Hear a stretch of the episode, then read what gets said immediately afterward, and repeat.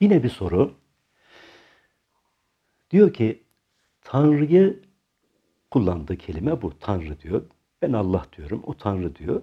Yani bunu soruya bakmamız, odaklanmamız lazım bizim. Tanrı'yı evrenin içinde kabul eden bir felsefe de var. Evrenle Tanrı'yı bir ve aynı şeyi kabul ediyorlar. Tanrı evrende içkindir diyorlar. Ben mi yanlış anladım? Ne dersin?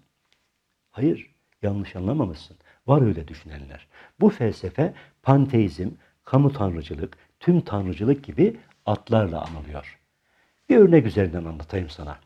Muhtevası içeriği ince manalarla dolu, bütün sayfaları, bölümleri, paragrafları, cümleleri, kelimeleri, hatta harfleri birbiriyle uyumlu bir kitap düşün. Mükemmel bir kitap. Bu kitaba iki adam bakıyorlar. Biri şöyle düşünüyor. Bu kitabın yazarını göremiyorum. Nerede olduğunu bilmiyorum. Fakat yine de onun varlığına inanıyorum. Yazar kitap cinsinden de olamaz. Öbür adam şöyle diyor. Yazar kitabın içindedir. Harflerin, kelimelerin, satırların mürekkep parçacıklarının arasındadır. Ya da kitabın kendisi aynı zamanda yazardır. Veya içindeki anlamlar bütünü bu kitabı yazdı. Yani bu anlamlar bir araya geldi ve kitap oldu ya da kitabı yazdı. Örnekteki birinci adam son ilahi kitabın tanımına uygun biçimde bir yaratıcıyı tanıyan mümini temsil ediyor. Onun düşünme biçiminin özeti şu. Kainat bir kitaba benzer. İçinde bulunan büyük küçük her varlık anlamlı birer kelimedir. Her kitabın bir yazarı vardır. Öyleyse kainat kitabının da bir yazarı olmalı. Yazar kitap cinsinden olamaz. Kitabın içinde bulunamaz. Kitapla yazar aynı da olamaz. Yazar başka, kitap başkadır. Yazar kitabın içindedir diyen adam ise bir tüm tanrıcıya benziyor. Tüm tanrıcı düşünürlere göre, yani panteistlere göre kainatın yaratıcısı evrenden ayrı bir varlık değildir. Tanrı evrende içkindir derler. Onu hariçte aramak beyhudedir. Yaratılanların toplamı aynı zamanda Tanrı'nın ta kendisidir bu felsefeye göre. Ya da Tanrı ve varlıkların bünyesine sızmıştır. Her varlık Tanrı'nın bir parçasıdır.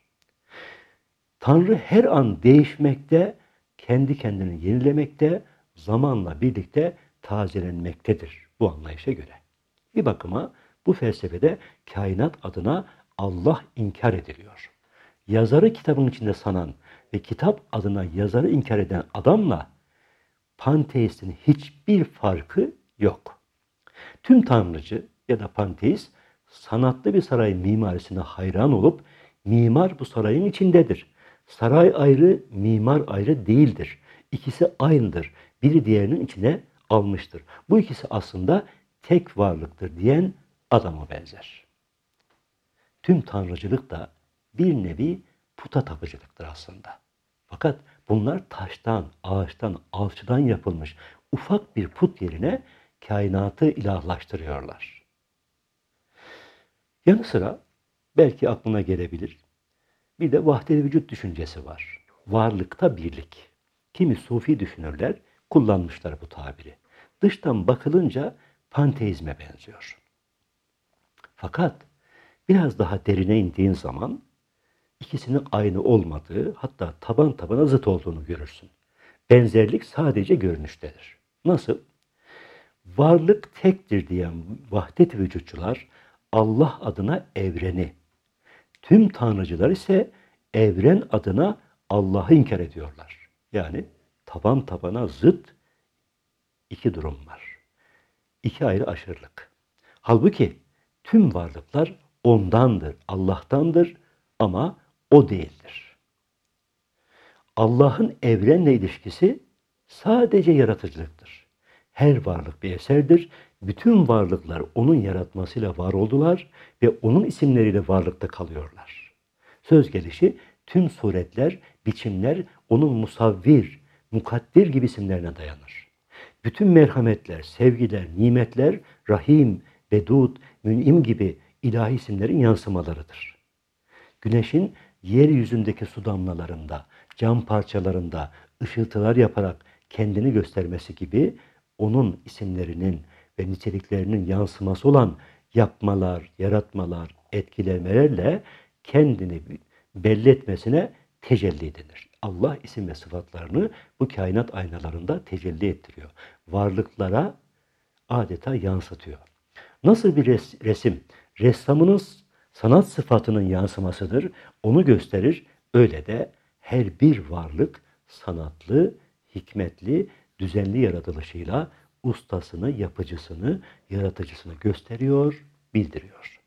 Varlıklar ilahi isimlerin tecellisinden ibarettir. Hepsi o güzel isimlerin sahibi tarafından yaratılmıştır ama onun bir parçası değildir asla. Şiirler, denemeler, öyküler yazarlarının birer parçasıdır diyebilir miyiz? Hayır. Dersek mecazlı bir anlatım olur bu. Gerçek olmaz. Bunlar yazarın ruhundaki ilim ve sanat güzelliklerinin yansımalarıdır. Fakat vardırlar.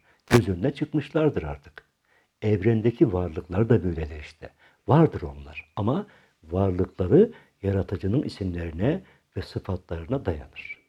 Yok denemez onlara. Birer hayal, birer vehim, birer kuruntu oldukları söylenemez. Kabir hayatı, mahşer, ahiret, cennet, cehennem, ebedi hayat nasıl hayal olabilir? Sen yaratıcının bir parçası değil, eserisin. Parça olmakla eser olmak apayrı şeyler. Bir sufi manevi yürüyüşünde halden hale, tavırdan tavıra geçer. Bunlardan biri de manevi sekir halidir. Bir tür ruhsal esrime dönemi. Bu sıra dışı hali yaşarken sadece Allah var, gerisi hayal derse sorumlu olmayabilir. Fakat aklı başında olan derse hata eder.